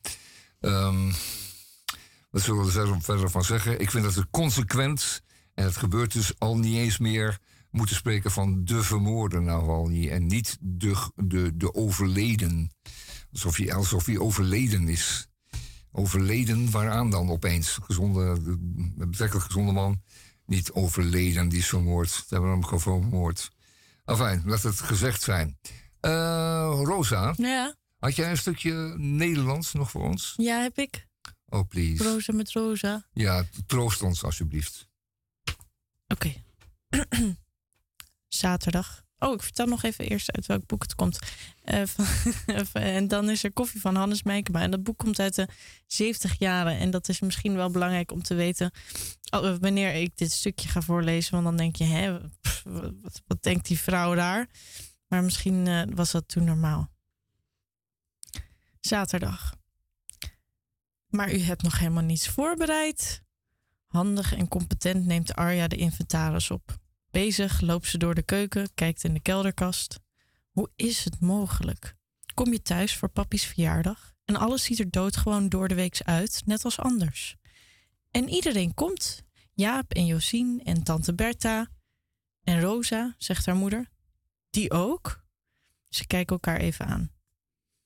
Ik had gedacht biefstuk, dat is zo gebakken. En puree, die kan van tevoren gemaakt en in de oven.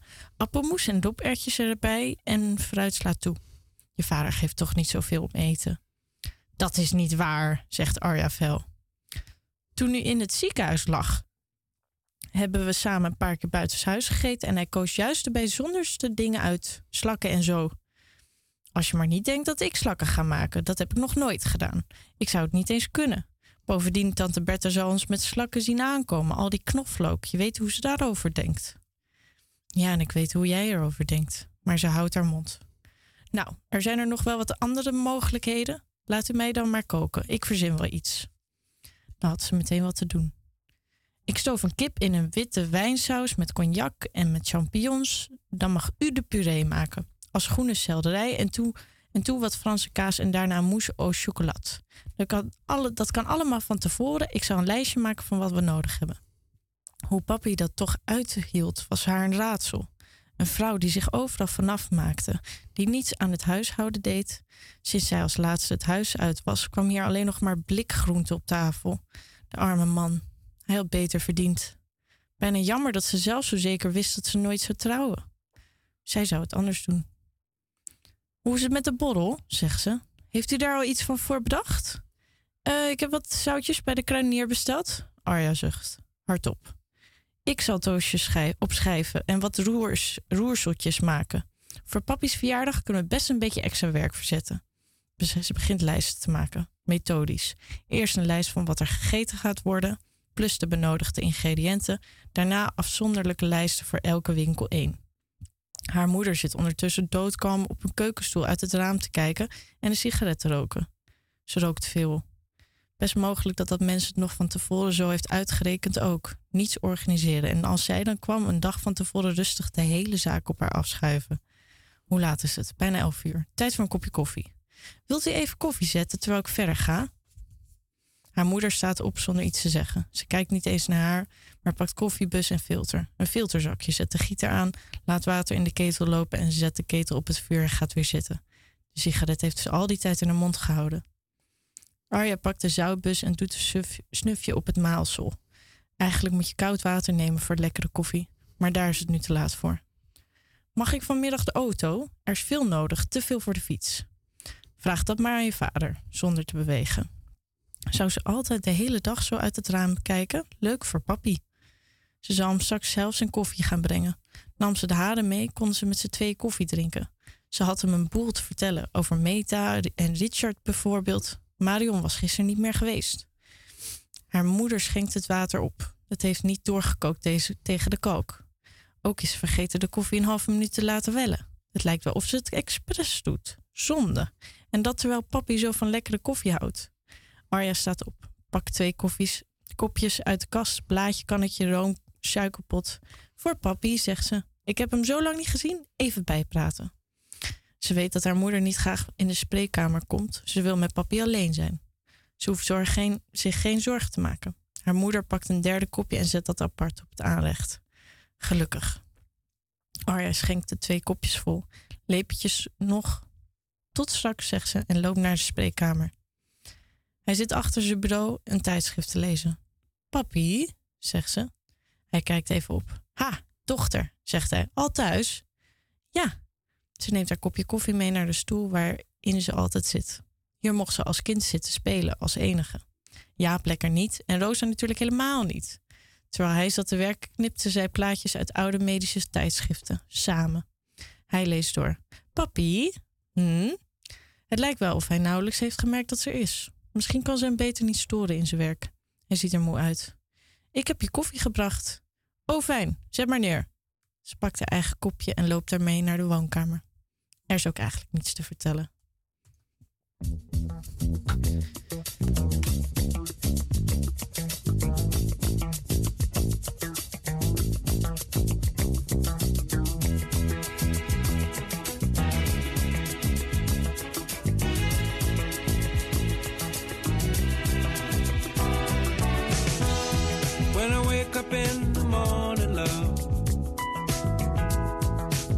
Sunlight hurts my eyes,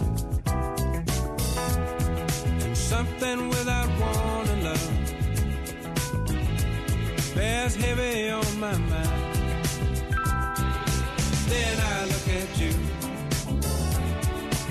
and the world's alright with me.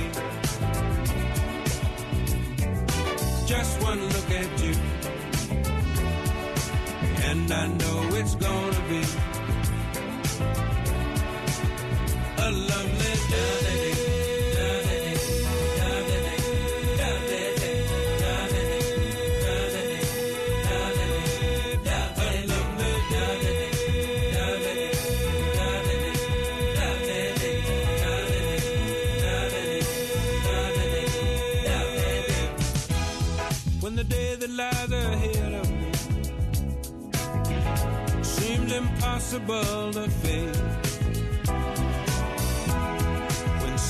someone else instead of me always seems to know the way. Then I look at you, and the world's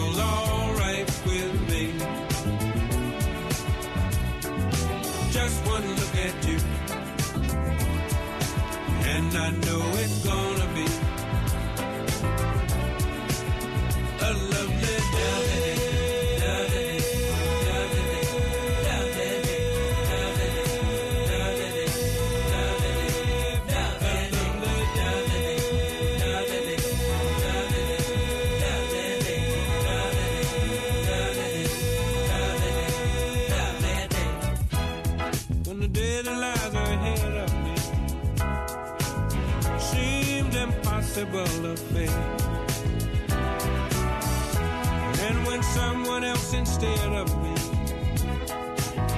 Always seems to know the way, then I look at you, and the world's alright with me. I just one look at you, and I know it's gonna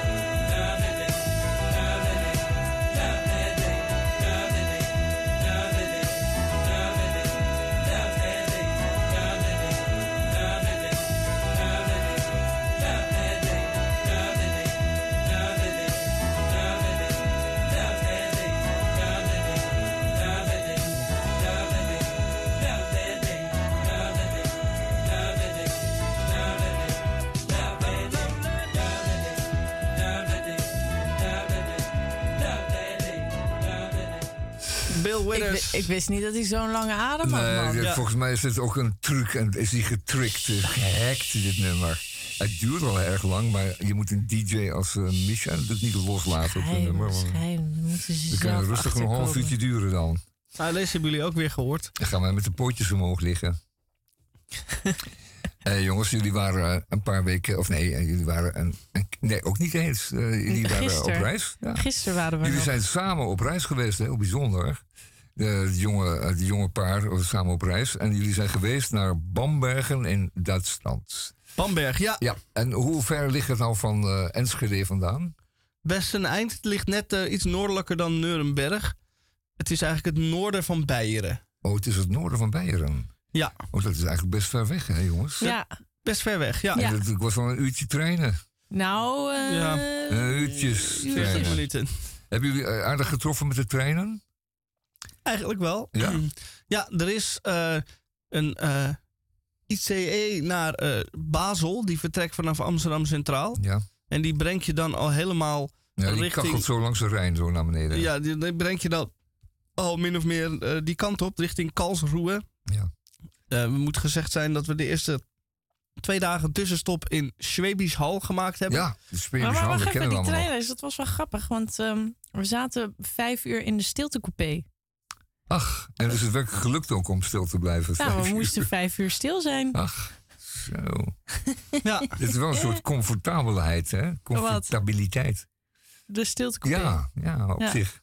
Ja, maar het is ook wel gek om vijf uur niet te praten tegen elkaar. Kijk, als je alleen bent, is het makkelijk. Is het fijn. Ja. Maar eh, Met z'n tweeën is het ook wel een beetje opgelegd, hè? ja. Ja, doen we wel denken aan het verhaal van Kan Michelt van net. Vijf uur stilte. Oké, oké. Oh ja, ja. En Hey, toen hadden we stop en- gemaakt. Ja. En eh, Bamberg zijn jullie geweest, een aantal dagen zelf gelogeerd. Eh, wat voor gebied is het? Kun je het beschrijven in het kort? Mm, ja, middeleeuws. Nee, nee, wat voor gebied? Eh, is het hoog, heuvelig, vlak? Ja, heuvelig. Ja. Op zeven heuvels. Ja, Misha weet het allemaal beter. Het was ook toch een, de enige stad waar nog niet, waar niet gebombardeerd was in de Eh, Tweede ja, Wereldoorlog. het is een grote, het was de enige redelijk grote stad die nog min of meer eh, behouden gebleven is. Ja. En eh, om die reden dus ook eh, een mooi toeristisch eh, plek. Alhoewel het misschien nog niet de, zo heel erg ontdekt is. In die zin dat. Nee, ik vond het niet toeristisch. nee. Want, eh, Ehm, het was niet druk. maar het heeft nog een, een echte originele, historische, middeleeuwse binnenstad. Ja, de, Die is niet weggevaagd door die Anglo-Amerikanische terroraangrieven die er eh, plaatsvonden. Oké. Ja, en dat is, eh, dat is wel leuk. Ook Ja. vooral omdat het niet toeristisch is. Hmm. Dat je gewoon ergens kan zitten als je dat wil. Ja, ja, ja. Hey, en wat hebben jullie eh, genoten daar? Zijn jullie eh, op de culturele tour gegaan? Nou. Of hebben jullie eh, seksclubs bezocht? Of wat, wat hebben jullie gedaan? Eh, nou, dat tweede sowieso niet. Nee. Dat eerste eh, wel. Ja. We zijn in het eh residentiecomplex geweest. Bovenop een van de heuvels op de Michelsberg. Heeft in, ooit in het jaar eh, 1076, als ik mij niet vergis, eh, de eerste bisschop van Bamberg eh, eh, zijn eh, plek gezocht, zijn heil gezocht. En heeft daar dus een klooster gesticht, wat daarna weer eh, herbouwd en, eh, of aan, aangebouwd en weet ik veel. Er staat dus eh, de klooster. En toen dachten ze daar, hey, in de 17e eeuw laten we daar allemaal megalomane eh, gigantische gebouwen omheen zetten. Met heel veel kamers en eh, stoelen met van die krulletjes eraan. Ja, en altijd die stoelen dat ik denk... Er zijn heel veel stoelen waar mensen dan niet op gingen zitten, denk ik dan. Die waren daar gewoon voor de sier. Nou, dat, dat maakt niet uit. In ieder geval, al die kamers waren heel mooi... en je kon kijken hoe dat vroeger eruit zag. En, en vroeger is dat eh, een middeleeuws, want de de middeleeuwse Nee, stoel nee, is niet zo krullig. Nee, nee, Je hebt het nee. over barok. Ja, barok. Krullig, Het is- Zeker het is- barok, het was, ze hadden zeg maar het, de, de interieur aangehouden van de... eh, welke tijd was het? Begin 1900? Eh, Eh, van die tijd hebben ze het hmm, geloof ja. ik... eh, want toen Deels. was het nog in gebruik. En Oh, nu is het niet meer in gebruik. ja, ja, ja. Eh, maar het, het is altijd wel mooi om te zien. En ze hadden heel veel kunst. En dat is ook heel mooi om te Je hebt zien. wel mooie dingen gezien? Ja, ik heb wel mooie dingen gezien. Ook veel Nederlandse schilders hebben ze. Ja. Eigenlijk heel veel. Ja, dat was heel interessant. Ze hadden twee eh, verdiepingen met eh, schilderkunst. Eén was eh, middeleeuws, Dat vond jij leuk? laat middeleeuws, ja, eh, voornamelijk Duits van eh, makelij. En dan hadden ze ook nog eh 17e eeuw schilderij barok eh, en eh, eh, renaissance. En daar zaten inderdaad een aantal eh, Nederlandse schilders bij. Heel veel. Ruisdaal, Jan Lievens en eh, Otto. En de achternaam ben ik even vergeten. Nog een Eh, paar. Dus ge- geen eh, eh, super hoge vliegers, hoogvliegers, maar wel prachtige, Mooie vliegers, ja. Een prachtige verzameling. Ja, je hoeft niet altijd, je hoeft niet altijd tot de grote drie of de grote vier te... Er zijn heel veel goede schilders geweest in die Ja. tijd. En, en die hebben allemaal goed en, en minder goed werk gemaakt. Dus het kan zomaar zijn dat een van jouw lievelingsschilderijen een van de mindere schilders is geweest. En Ja. Dat is allemaal niet zo erg belangrijk. Het gaat erom wat je zelf heel erg mooi vindt, wat je Ja. net goed vindt. En je denkt van, hé, hey, dat is toch wel fijn om te zien en nog een keer te zien. Maar ik vond dat dus heel leuk. Verder was er ook niet heel veel, moet ik bekennen. Nee. Eh, dus eh, toen zijn we daarna een terrasje opgegaan. Toen ben ik begonnen met eh, natuurlijk eh, de ontdekking van de hemel te gaan lezen. en Misha ging nog een beetje schrijven. Ja. En, en hoeveel dagen hebben jullie dat doorgebracht? Een paar? Twee in Zwebisch Hal en dan vier in Wamberg. Oh, toch wel, ja. Oké. En tot mijn grote teleurstelling, jongens, zijn jullie niet naar het eh, wereldberoemde en eh, buitengewoon eh, goed uh, uitgestatte museum van eh, Karl May geweest. En dat Ja, erg jammer. Maar die kwam ook helemaal niet naar boven. Nee, nee, dat wordt ook niet mee geadverteerd. Want die Karl May, dat wordt nu gezien als een soort eh, zich een cultuur toegeëigenende eh, fantast... die allemaal flauwekul en verhalen heeft geschreven over, over primitieven... die hij helemaal niet kon kennen en, enzovoort. Dus wordt allemaal overdreven jeugdsentiment. Maar het is wel een ontzettend, ik gebruik het woord niet vaak... maar een ontzettend schattig museum. En het allergrappigste wat hierbij hoort... is dat er een identiek museum aan de overkant van het IJzeren Gordijn eh, bleek te bestaan. Want de Oost-Duitsers lieten dat niet op zich zitten. En die hebben een identiek museum gesticht. Echt? Allemaal rond Karl May. Allemaal met dezelfde attributen. Die allemaal eh, verzonnen waren. en bijeengegaard door eh, liefhebbers enzovoort, enzovoort. Maar die van Bamberg is wel het meest beroemde. En dat jullie die niet hebben gezien... Ja, dat gaat, eh, dat gaat je je hele leven spijten. Dat, dat- je- Eh, ja. ja, jammer. Dat Ik komt nooit meer goed. Dat reken ik mijzelf dan enorm aan. Vind ja, ik dat nooit zo maar. Ik heb het heel gezegd. erg. Ik heb notabene helemaal Ja, je uitgebreid hebt het gezegd, maar je hebt het maar één keer gezegd. Vaak moet je dat soort dingen twee oh, keer ja, zeggen. Ja, ja, jullie moeten echt aan het handje genomen worden. Jullie zijn niet al Ehm, volwassen. Dat hoeft allemaal. Maar eh, over, over, over zeggen. deze vakantie gesproken te Ja. hebben, dat was ook wel leuk. Ik zei tegen Misha van tevoren: ja, eh, vakantie dat is voor de herinneringen, niet eigenlijk voor, voor tijdens. Of eh, tijdens, tijdens de vakantie denk je vaak: waarom ben ik op vakantie gegaan? Ja? En dan, dan, dan kom je thuis en denk je: oh ja, daarom ben ik op vakantie gegaan. Ja. Voor de herinnering. Ja, maar tijdens dat- kan het soms nog een beetje. Kan je elkaar tegenkomen? Ja, dat kan, eh, Rosa. En dat kan heel goed. Je kunt elkaar tegenkomen. Als je niet met een, eh, laten we zeggen, niet met een hele goede bekende op reis zou zijn. Ehm, maar vakantie zou in het algemeen moeten betekenen eh, iets van ontspanning en zo. Als je drie Oh, weken, maar dat hebben we zeker. eh, drie weken naar, naar Benidorm gaat, dan na een week lig jij aan het strand en dan denk je nergens meer naar.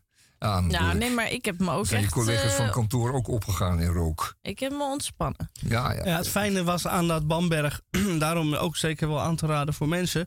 Eh, toen ga, ik vond het vooral ontzettend rustig en eh, een hele relaxte sfeer hing daar in de stad. Je kreeg Ja. halve liters van alles. Ja, en Fanta, hebben goed geëten, en alles. gegeten en gedronken. Ja, de Zuid-Duitse kaart. Oh ja. ja. Dus, eh, en er goede- was vegetarisch. Goede burgerkeuken. Er was Ja? vegetarisch. En dat was ook goed? Ja, was, was prima. Oké. Was juist wel lekker. Ja, ze zijn natuurlijk wel... eh, ze, ze kunnen wel wat. En eh, voor de niet-vegetariër is er heel veel te genieten aan. Maar ik moet zeggen dat Veel Duitsland me groot. wel heeft, heeft verrast. Ik Mm. had nooit echt... kwam ik op het idee om naar Duitsland te gaan voor vakantie. Nee, Eh, ik reed er vaak doorheen. met, met dus ik zag vooral eigenlijk de tankstations. Ja, en, ja, ja. Maar Bamberg heeft me verrast. En, eh, en de Duitsers zelf hebben me verrast. Ze waren heel lief. Oh. vind Duitsers eigenlijk heel lief. Hmm. En, Nou, ze zijn in ieder geval eh, correct, hè? Ja, Ze zijn niet onverwacht onbeleefd of zo, nee. nee. Nee. Nee, waarom zou ik dat ook denken? Nou ja, Eh, je, je komt op reis wel eens iemand tegen, hè? ja. De, de Fransman kan heel erg uh, ja, de zijn. Fransman, en, eh, ja. Maar die de zijn vaak eigenlijk ook altijd heel erg lief.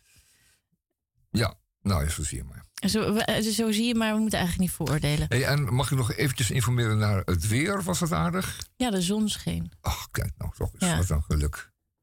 Nou, dat is toch een mooi, een mooi klein geluk, jongens. En jullie hebben eh, wat geleerd, wat gezien, wat genoten, wat gegeten en wat gereisd. En eh, flink wat kilometers gemaakt. Wat gelezen, wat geschreven. En wat gelezen en wat geschreven. Ja, en ik heb gisteravond eh, thuis op de bank, eh, na sudderend van de vakantie, pakte ik mijn gitaar en schreef ik eh, twee noten. Ja. En toen dacht ik, hé, hey, eh, met een eh, korte tekst over eh, reizen. Dus dat eh, binnenkort meer. Echt?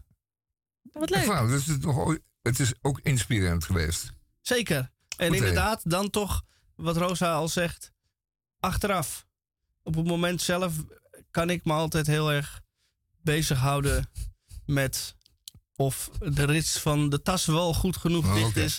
En Of- of, Fucking details, of de plek die gereserveerd is waar we eigenlijk op zitten. Ja, iemand, ja, ja, ja. Er eh, komt iemand binnen met veel bombardie en ja, die schop je er vanaf en dan moet je er naartoe. Maar goed, eh, dat is onzin ja, ik kan het wel even uitleggen. Ik had ehm, Maar dat is de spanning van het reizen, hè? voor de terugreis eh, voor de trein vanuit Frankfurt naar Amsterdam Centraal. Wat natuurlijk ook een prachtige verbinding is. Hadden wij, had ik eh, twee eh, zitplaatsen gereserveerd. Eh, wagon 37, stoel 41 en 42. En nou wil het geval dat ze daar dus, eh, dat is een Frans woord voor, en passant stoelen toewijzen of zo. Of in ieder geval, dus 41 is aan het raam, 43 is het gangpad en 42 is dan weer aan het raam de rijder achter. Dus ik had wel twee kaarten, plaatsen gereserveerd, maar dus niet naast elkaar, maar achter elkaar. En toen zijn we toch naast elkaar gaan zitten. En hebben we dus de richtlijn van de Duitse baan over, overschreden. Want we zijn dus op een andermans gereserveerde stoel gaan zitten. Ja, dus Ja, en ik had daar helemaal geen moeite mee. Maar had daar op best wel moeite mee. Mm. Ja. Ja. God, dat zijn jullie toch een mooie gezagsvertrouwen, lieve mensen. Ik wel, ja. Eh, Ja. ja. Misha wel, ja. Mij interesseert Zeg maar het gewoon geen kut. Maar Hè? toen ik, dus thuis, Ja. toen ik dus thuis kwam op Voor de een bank... Amsterdammer. Toen ik dus thuis kwam en op de bank plofte en eh, dacht van nou deze eh, overtreding zal nu wel ondertussen alweer verjaard zijn. Zoveel eh, uur later eh, kon ik dat dus o- vergeten en zag ik alleen nog de heuvel, het Ah. Kon je heuvelige landschap. kon je eigenlijk die, die, die En, en dacht je samengeknepen ook billen even van van, elkaar. oh, misschien had Rosa toch wel gelijk en was het niet zo heel erg allemaal. Ja. Nou, dat vind ik wel een revelatie dit. Achteraf gezien inderdaad, ja. Ja, nou gelukkig jongens dat dat het goed afgelopen is. Hè? Want voor hetzelfde geld was je natuurlijk gewoon door die conducteur aangehouden. Ja. En moest je buitenop eh, mee, eh, meereizen. Nee, dat gebeurde helemaal niet. We- Ah. Het, het is echt... In een, onzin. een En mensen die gingen de hele tijd op elkaars plekken zitten, dat stelde helemaal niks voor. Oh, nee. En anders zo dan zorgde ik er wel weer voor dat het allemaal goed kwam. Kijk je toch de conducteur lief aan, die heeft op plekken zat. Ja. Hey, best, beste vrienden, en eh, leuk dat jullie er waren. Het was gewoon een heerlijke middag. Dat- het kleien van ons en het vouwen van, eh, van de kleine beestjes uit papieren papiertjes. Ehm, maar het is nog maar twee minuten het tweede uur. En ik wens u eh, een hele fijn weekend. En een eh, dol, doldriest eh, zaterdag en Zullen we zondag. een portie bitterballen En we gaan bestellen? bitterballen doen om de, te feest om, Omdat om we, elkaar, vieren. omdat we weer met z'n drieën Balls. zijn. Let's have some balls. Ik had jullie wel gemist. Ja, kind. If you're looking for trouble, just look right in my face. I was born standing up and talking back. My daddy was a green-eyed mountain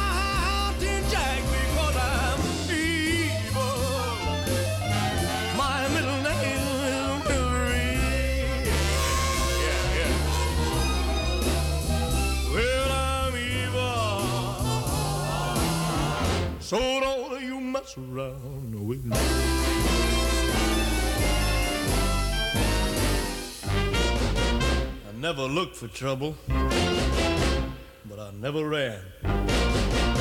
I don't take no orders, no kind of man.